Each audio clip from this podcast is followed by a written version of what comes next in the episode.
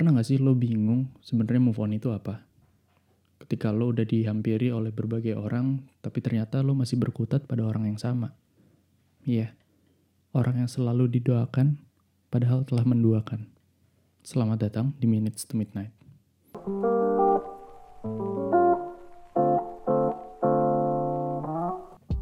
Kembali ke Minutes to Midnight, mungkin ada beberapa yang bertanya, kok lo jadi bikin video lagi sih? Kemarin kan udah audio filenya doang. Ya, ya kenapa enggak? Di saat video yang lain, sorry, di saat podcast yang lain bikin cuma audionya doang, ya kenapa gue nggak bikin yang beda? Kenapa nggak gue bikin yang ada videonya juga? Tapi kalau kalian mau denger audionya aja, kalian bisa langsung datang ke Spotify. Linknya udah gue taruh di bio Instagram gue di atas. Jadi ketika lo klik di sana, kalian langsung ke direct ke Spotify-nya Nevermind.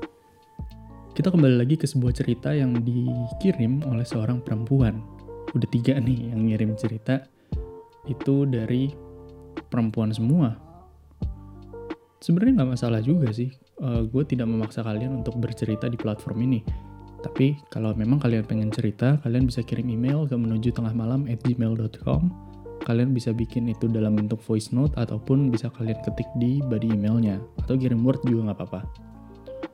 Di episode yang kemarin juga ada yang bilang bingung nih ketika lo bercerita dan lo ngasih opini itu subjeknya sama-sama gue karena gue bercerita dari sudut pandang orang pertama kan.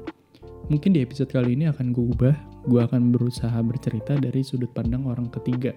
Jadi gue akan menyebutkan nama karakternya.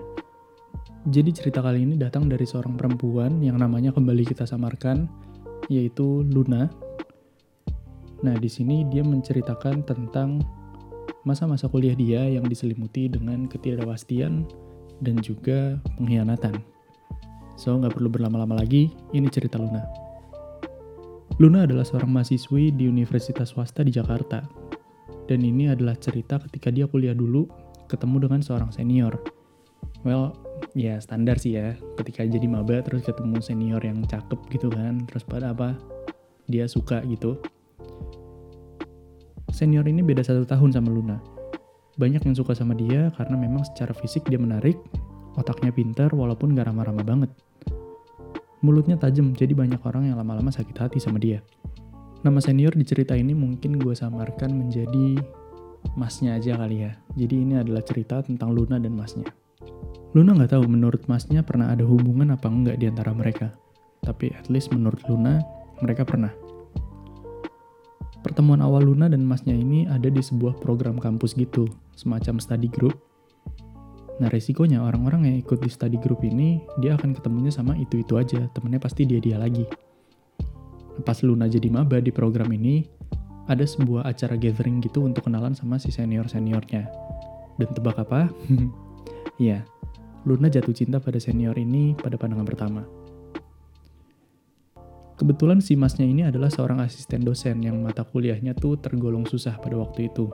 Jadi Luna dan teman-temannya suka ikut colongan kelas asistensi di kelasnya dia, sekedar untuk ngeliat dan ketemu sama si masnya ini. Awalnya rame-rame, tapi lama-lama akhirnya cuma Luna aja yang datang. Luna udah terlanjur suka sama masnya. Singkat cerita, akhirnya mereka suka chat-chatan hampir tiap hari, mereka kirim-kirim jokes, kirim-kirim gambar, main game bareng. Ya, standarnya orang PDKT kali ya, kayak gitu. Dan intinya Luna seneng banget sama masnya. Dan waktu itu juga Luna baru lulus SMA, jadi masih polos gimana gitu katanya. Dan Luna juga belum pernah pacaran, jadi menurut Luna ini adalah kesempatan dia untuk tahu apa itu rasanya pacar pertama. Well, coba di sini masih ada yang inget gak? Pasti rasanya ketika kalian ketemu sama pacar pertama sorry gue gue ralat gimana rasanya ketika kalian bertemu dengan cinta pertama kalian? Karena menurut gue cinta pertama tuh belum tentu jadi pacar pertama. Tapi rasanya tuh pasti beda sih. Menurut gue itu rasa yang cukup diingat harusnya.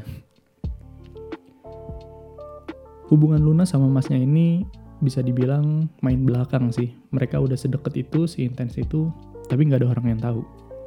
Di kampus dan di program itu pun mereka nggak ada yang tahu kalau ternyata si Luna sama masnya ini deket. Luna nggak cerita sama gengnya juga karena ternyata di gengnya tersebut ada yang suka sama masnya dan udah ngutarain duluan di geng tersebut. Jadi Luna nggak bisa ucuk-ucuk dateng bilang, eh gue suka sama masnya itu ternyata nggak bisa. Luna paham harusnya dia nggak usah maksain juga. Tapi nggak lama ternyata temen Luna yang naksir masnya itu pun dia punya pacar. Tapi singkat cerita, pas masnya ultah, Luna beliin dia jaket yang cukup bagus. Luna beli pakai uang jajan dia sendiri dan pas belinya itu, dia pergi keluar naik mobil sendirian untuk pertama kalinya. Ketika lo udah apa ya?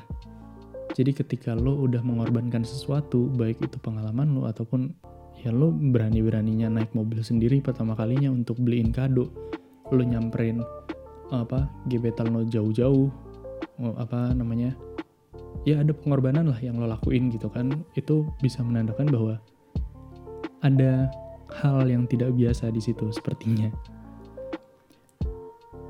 Kemudian setelah Luna kasih jaketnya pun mereka masih kontak-kontakan. Masnya ngasih lihat bahwa jaketnya itu dipakai ke kampus untuk pertama kalinya dan difoto. Dan foto itu masih ada sampai sekarang di tempatnya Luna. Setelah Luna kasih kado itu masnya janji dia mau bikin apa namanya uh, traktiran. Dia mau traktir Luna tapi ternyata janji itu hanya sebatas ucapan sampai sekarang. Acara itu batal karena teman Luna cerita ke Luna bahwa masnya ini deket ke berbagai perempuan. Ada yang bilang bahwa masnya jalan sama si A, ada yang bilang masnya teleponan sambil main gitar, video call eh, sama si B. Ya Luna pada waktu itu langsung sedih. Dia langsung apa ya? Dia merasa bodoh kok dia bisa digituin. Dan akhirnya tanpa pikir panjang, Luna ngeblok kontak masnya. Enggak sampai seminggu, Luna dapat kabar bahwa masnya ini jadian sama si C. Bentar deh, ini dia udah jalan sama si A, terus dia teleponan sama si B, kemudian jadian sama si C. Ini orang womanizer gue rasa dah. Masnya nembak C pakai jaket yang dikasih Luna. Hmm. Dan tahu reaksinya apa dari Luna? Ya jelas, Luna sedih sejadi-jadinya. Dia ngerasain apa itu yang namanya pengkhianatan untuk pertama kalinya dari orang yang menurut dia paling deket. C ini adalah temannya Luna ternyata. Dan C menyebar gosip bahwa Luna itu ngejar-ngejar masnya. Rahasia yang Luna simpen selama setahun tiba-tiba jadi obrolan publik dalam semalam. Luna nggak tahu apa yang diceritain sama C, tapi yang jelas Luna sakit hati atas tindakannya tersebut. Kejadian itu terjadi di 2014, berarti kurang lebih udah 6 tahun dari timeline sekarang ya. Dan di 2017, Luna iseng buka kontak di HP-nya dan melihat bahwa ternyata si masnya ini putus sama si C. Luna tahu dia pernah disakiti sama masnya, tapi melihat berita ini, ada hal yang tergerak di hati Luna yang membuat itu luluh lagi. Selama tiga tahun itu, berarti dari 2014 ke 2017 tadi, Luna juga udah deket sama beberapa cowok. Ada yang terang-terangan bilang suka sama dia, ada juga yang cuma deket-deket lucu aja. Maksud gue di sini adalah ada banyak orang yang baik sama Luna yang datang dan pergi, tapi tetap aja Luna masih nggak bisa berpindah dari masnya tadi. Dan di 2018, Luna memulai hidup baru. Akhirnya Luna menemukan seseorang yang mungkin bisa mengalihkan Luna dari masnya. Tapi ternyata semesta kembali berulah. Suatu sore Luna pergi ke sebuah mall. Dan tiba-tiba, tanpa disengaja, dia ketemu lagi sama masnya. Setelah sekian lama gak ketemu, mereka akhirnya jabatan tangan, dan untuk sekian lamanya Luna kembali dengar suara masnya. Ada hal yang tergerak di hati Luna, dan suasana kembali bikin dia sedih. Nggak tahu kenapa, mungkin kangen, mungkin juga marah. Dia nggak tahu pasti itu apa. Setahun berlalu dari jabat tangan itu, akhirnya Luna beraniin diri untuk follow masnya di IG karena tadi kan langsung di blok ya. Jadi di sini Luna ngefollow dia karena kata teman-teman masnya, si masnya ini down banget ketika dia putus sama si C. Dan di sini ada tambahan notes bahwa ternyata si C itu selingkuh. Oke, okay. mungkin karma does exist, mungkin. Dan di akhir tahun tersebut akhirnya Luna iseng untuk ngechat masnya lewat DM dan itu dibales sama masnya. Tapi setelah balasan masnya itu, Luna nggak berani lagi untuk ngebales. Dia apa ya? Dia merasa perasaannya tuh campur aduk. Ada rasa seneng, ada juga rasa yang nahan dia dia nggak mau jatuh ke lubang yang sama dua kali dia nggak mau dia merasakan kegalauan yang terjadi pada waktu awal-awal dia dihianatin pertama kali di 2020 awal berarti di awal tahun ini Luna ngelihat masnya ternyata balikan lagi sama si C dan Luna agak nyesel kenapa balasan DM waktu itu nggak dibalas lagi sama Luna mungkin aja waktu itu masnya udah berubah mungkin aja Luna bisa mendapatkan kesempatan kedua pada waktu itu. Tapi dia juga mikir, apakah dia pantas sebagai perempuan untuk melakukan itu. Luna sebagai perempuan yang udah ngerasain pahitnya pengkhianatan dan ketidakpastian, mau-maunya untuk mencari kesempatan kedua pada orang yang sama dengan inisiatifnya sendiri. Hingga cerita ini ditulis, pertanyaan itu terus datang. Luna masih nggak tahu harus ngapain, dan Luna masih dihantui sama pemikiran-pemikiran yang selama ini selalu muter di kepala dia. Itu tadi adalah ceritanya Luna. Cerita itu berhenti di situ, tapi yang kita tahu bahwa Luna masih galau terkait dengan kehadiran masnya. Lagi-lagi di sini, dari ceritanya gue melihat bahwa Luna berekspektasi terhadap ketidakpastian gitu kan. Dia berekspektasi apakah dia masih bisa mendapatkan kesempatan kedua, apakah ternyata masnya waktu itu udah apa ya sudah berubah dan udah menjadi orang yang lebih baik. Well kadang gue mikir ada yang pernah bilang ke gue bahwa kita tuh harus we have to embrace the unknown gitu kan. Kita harus hadapin ketidakpastian yang ada di depan. Karena kalau kita tidak bisa menghadapi itu atau kita takut untuk melangkah ke depan, kita nggak akan tahu apa yang bisa kita dapat. Mungkin aja itu kesempatan yang bisa kita ambil kadang kita juga selalu memaksakan kehendak apa yang menurut kita benar gitu. Kita mau apa yang menurut kita benar itu kejadian, termasuk dengan tidak berpindah ke orang lain. Gue ngutip dari kata-katanya Dara Firmansyah dari podcast teman tidur, kalau ada yang tahu. Dia pernah bilang bahwa berkutat menggenggam pecahan gelas itu tidak akan membuat sebuah gelas menjadi utuh. Tapi itu hanya akan membuat sebuah luka baru yang gak akan sembuh dalam semalam. Jadi kalau menurut kalian, hal yang kalian lakuin itu membebani kalian, maka lepasin aja. Itu nggak akan membuat kalian ke mana-mana. Lo nggak perlu susah payah untuk ngelupain seseorang sih, karena menurut gue pribadi, lo nggak bisa ngelupain seseorang.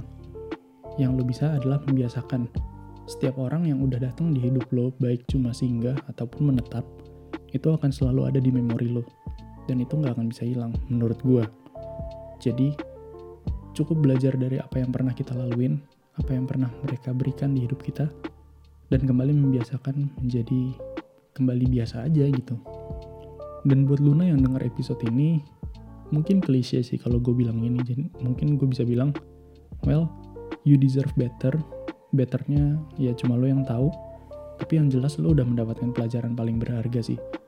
Lo udah ngerasain apa itu sakitnya dihianatin, dan apa itu tidak enaknya sebuah ketidakpastian gitu kan. Dan terkait untuk masnya sendiri, sebenarnya lo bisa jadiin dia benchmark. Tapi, yang perlu gue ingetin adalah komparasi nggak akan membuat lo ke mana-mana. Lo akan berkutat sama orang yang sama secara terus-menerus. Mindsetnya bisa lo ubah sih ketika lo udah bertemu sama orang kayak masnya gitu kan. Lo bertemu bahwa, oh dia udah baik banget, dia yang terbaik deh buat gue. Dia yang paling ngerti gue dan dia yang paling memahami gue kalau mindset apa ya kalau mindsetnya diubah lo bisa melihat bahwa dunia ternyata udah ngasih unjuk lo bahwa di luar sana ada orang yang bisa memahami lo ada orang yang sangat mengerti lo dan orang yang baik banget buat lo dan itu bisa terjadi lagi masih ada kesempatan buat orang-orang lain menjadi diri si masnya dengan versi yang lebih baik buat lo kurang lebih itu episode kali ini Mungkin kalau kalian merasa episode ini relate dengan kalian atau ternyata kalian punya temen yang ceritanya mirip dengan cerita kayak gini, kalian bisa share episode ini ke mereka. Atau kalau kalian mau lihat episode yang lain, kalian bisa datang ke Spotify-nya Nevermind. Linknya udah ada di bio Instagram di atas, jadi lo tinggal klik di atas. Terima kasih sudah meluangkan menit-menit kalian untuk mendengarkan episode ini, dan sampai jumpa di menit-menit berikutnya.